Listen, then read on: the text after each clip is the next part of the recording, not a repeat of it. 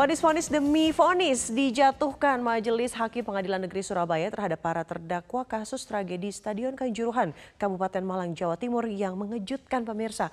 Fonis yang dijatuhkan Majelis Hakim sangat ringan dari tuntutan sebelumnya, bahkan ada yang berhasil difonis bebas.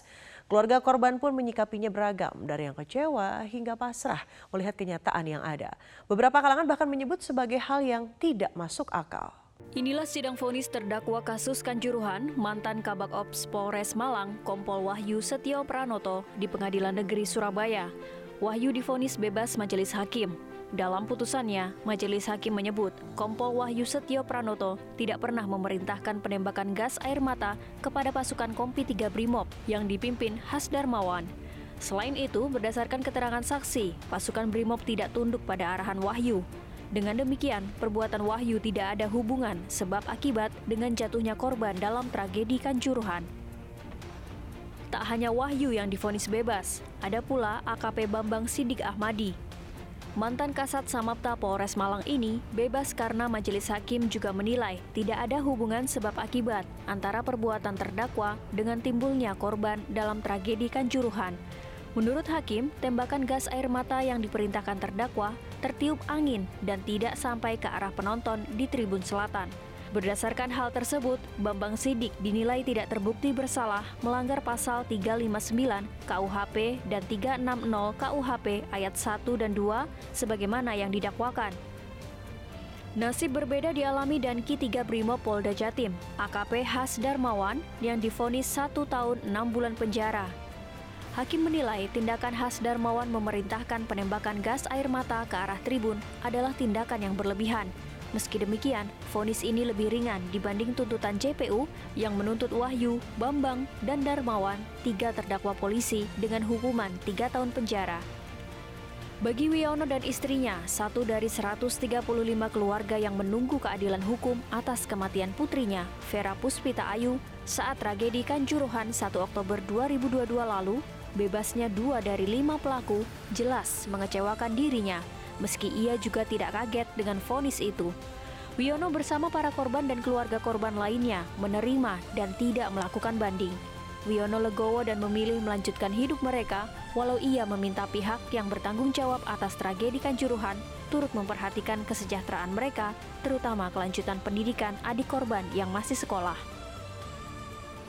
Sementara itu menurut Kontras, pertimbangan majelis hakim membebaskan terdakwa kasus kanjuruhan merupakan hal di luar nalar. Pihaknya mendorong jaksa penuntut umum untuk mengajukan banding atas putusan tersebut dan akan melaporkan majelis hakim ke Komisi Yudisial. Unsur kesengajaan dalam tindakan aparatur kepolisian selama melakukan pengamanan di Stadion Kanjuruhan itu terpenuhi semua gitu lebih dari sekedar kelalaian, itu bahkan unsur kesengajaan. Tapi sayang sekali kayaknya hakim membuat pertimbangan yang di luar nalar kita secara hukum maupun secara keadilan, secara kemanusiaan. Sebelumnya, koalisi masyarakat sipil yang terdiri dari sejumlah LBH dan LSM mendesak majelis hakim yang menangani perkara kanjuruhan menjatuhkan hukuman maksimal dan seadil-adilnya bagi tiga terdakwa polisi, yakni Kompol Wahyu Setio Pranoto, AKP Bambang Sidik Ahmadi, dan AKP Hasdarmawan. Tak hanya itu, mereka juga menuntut restitusi bagi korban dan keluarga korban kanjuruhan untuk menjamin keberlangsungan ekonomi mereka. Tuntutan itu disertai puluhan surat yang ditulis langsung oleh keluarga korban tragedi Kanjuruhan. Koalisi masyarakat sipil juga menyoroti berbagai keganjilan dalam persidangan Kanjuruhan, terutama terkait tuntutan dari JPU sangat ringan. Padahal, polisi dinilai mengambil tindakan di luar tahapan sesuai Perkap nomor 8 tahun 2009. Selain tiga terdakwa dari polisi, Majelis Hakim Pengadilan Negeri Surabaya menjatuhkan vonis Ketua Panpel Arema FC Abdul Haris satu tahun enam bulan penjara dalam sidang lanjutan kasus kerusuhan Kanjuruhan di Pengadilan Negeri Surabaya 9 Maret lalu. Vonis dijatuhkan lebih ringan dibandingkan dengan tuntutan jaksa yang menuntut dengan hukuman 6 tahun 8 bulan penjara. Majelis Hakim menilai Haris bersalah dan telah lalai hingga menyebabkan 135 korban meninggal dunia dan 600 orang lebih luka-luka. Haris dinilai kurang mengantisipasi kondisi darurat yang timbul dalam sepak bola. Hal yang meringankan, Haris sudah meneruskan permintaan Kapolres Malang AKBP Verli Hidayat untuk memajukan jadwal pertandingan dan belum pernah dipidana. Hal lain yang meringankan terdakwa Haris karena terdakwa belum pernah dipidana dan telah lama mengabdi di dunia sepak bola. Sebelum vonis Haris, terdakwa lainnya, Suko Sutrisno, security officer pertandingan Arema FC kontra Persebaya, difonis satu tahun penjara Vonis ini jauh lebih ringan dibanding tuntutan jaksa penuntut umum, yakni 6 tahun 8 bulan penjara. Terhadap kedua vonis Haris dan Suko, Ketua Tim Jaksa Penuntut Umum, Rahmat Hari Basuki pun resmi menyatakan banding. Pernyataan banding pun telah diajukan 14 Maret lalu. Selain kelima terdakwa yang telah menjalani vonis, Direktur Utama PT Liga Indonesia Baru atau LIB, Ahmad Hadian Lukita, juga sempat menjadi tersangka namun hingga selesai masa penahanannya, berkas perkara tidak kunjung dinyatakan lengkap oleh kejaksaan. Tekanan pengusutan tuntas tragedi Kanjuruhan terus disuarakan. Salah satunya ditunjukkan oleh sikap puluhan Aremania yang mendatangi kantor Kejaksaan Negeri Kabupaten Malang, Jawa Timur jelang vonis terhadap para terdakwa. Ada enam poin tuntutan Aremania dalam aksi ini, di antaranya meminta Danki Brimob, AKP Has Darmawan, bertanggung jawab menuntut pelaksanaan atau realisasi atas rekomendasi tipe dan menghukum seluruh pihak yang bertanggung jawab. Ketiga, menuntut restitusi kepada keluarga korban agar dimasukkan dalam tuntutan JPU. Keempat, menolak pemugaran Stadion Kanjuruhan dan dibangun kembali. Kelima, menuntut pemerintah dan klub membuat stadion baru di lokasi berbeda sebagai home base Arema FC dan menjadikan Stadion Kanjuruhan sebagai monumen atau museum jatuhnya korban Aremania. Kapolres Malang AKBP Putu Kolis Ariana mengatakan bahwa selama ini Polres Malang bersama dengan pemerintah daerah terus intens memberi perhatian kepada keluarga korban tragedi Kanjuruhan.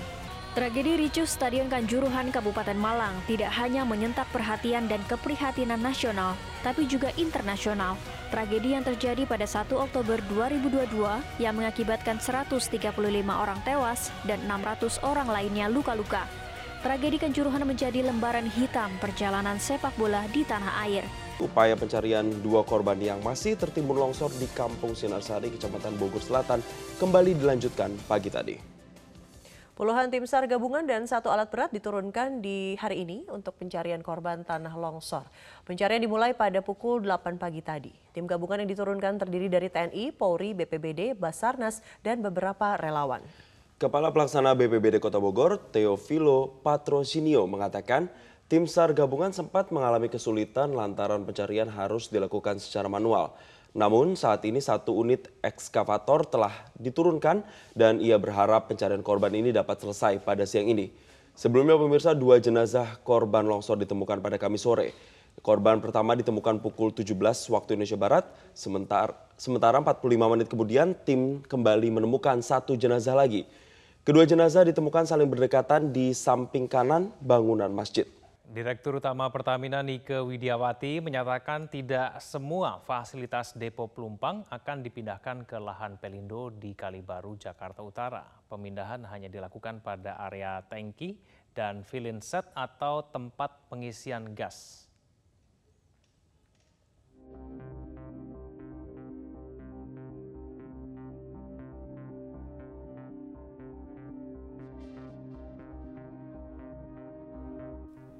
Setelah insiden kebakaran depo pelumpang yang menewaskan 23 orang dan melukai puluhan orang lainnya pada 3 Maret lalu, Pertamina akan memindahkan fasilitas terminal bahan bakar minyak TTBM atau depo pelumpang ke lahan Pelindo di kawasan Kalibiru, Jakarta Utara. Namun tidak semua fasilitas depo pelumpang dipindahkan.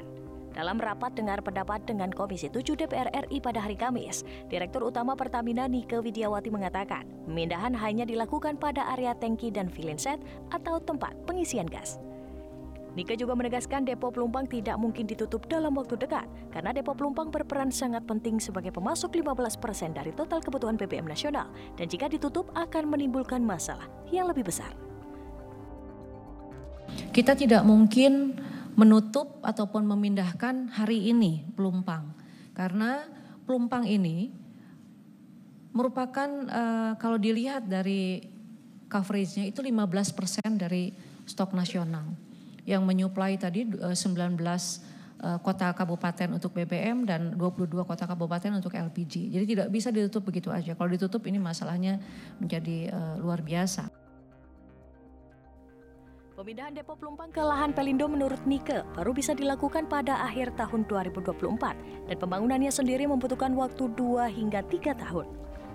Sementara itu hal yang paling mendesak untuk dilakukan saat ini adalah membangun buffer zona atau kawasan penyangga di depo Pelumpang sebagai pembatas antara depo dan pemukiman warga.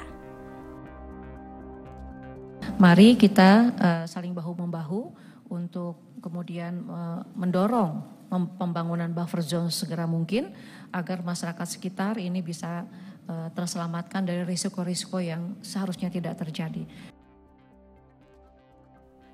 Pertamina menurut Nike sebenarnya telah berencana membangun buffer zone pada tahun 2009, tapi tidak berhasil dilakukan.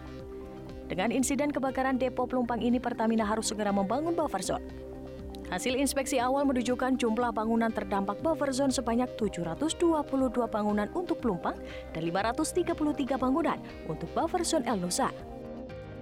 Sementara itu terkait kasus kebakaran objek vital TBBM Pelumpang ini, Komisi 7 DPR RI meminta Pertamina untuk melakukan audit menyeluruh yang nantinya diumumkan secara transparan kepada masyarakat.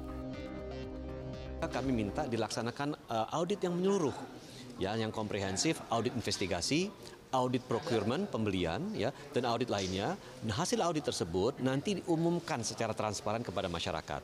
Nah, dari situlah hasil audit itu baru kita akan bisa mengambil kesimpulan apakah perlu dilakukan relokasi apakah pengembangan terminal BBM Pelumpang itu masih layak untuk dikembangkan atau tidak. Ya, jadi kita harus memang menunggu uh, hasil audit tersebut untuk bisa menentukan. Tetapi memang tadi disampaikan oleh Ibu Dirut Pertamina bahwa dari hasil penelaahan awal memang uh, karena kawasan Pelumpang itu sudah menjadi kawasan padat penduduk, memang diperlukan adanya kajian untuk relokasi fasilitas-fasilitas tertentu. Komisi 7 memberi waktu satu bulan kepada Pertamina untuk melaporkan hasil audit investigasi kebakaran depo Pelumpang. Penetapan hasil audit harus dilaksanakan secara tegas, tidak hanya untuk fasilitas Pelumpang, namun juga sebagai fasilitas objek vital Pertamina lainnya. Dalam kesempatan tersebut, Komisi 7 juga mengapresiasi Pertamina yang bergerak cepat dalam menangani korban kebakaran, baik medis maupun insentif. Sejauh ini belum diketahui berapa kerugian akibat kebakaran depo Pelumpang yang terjadi pada awal Maret ini, karena masih dalam perhitungan Pertamina.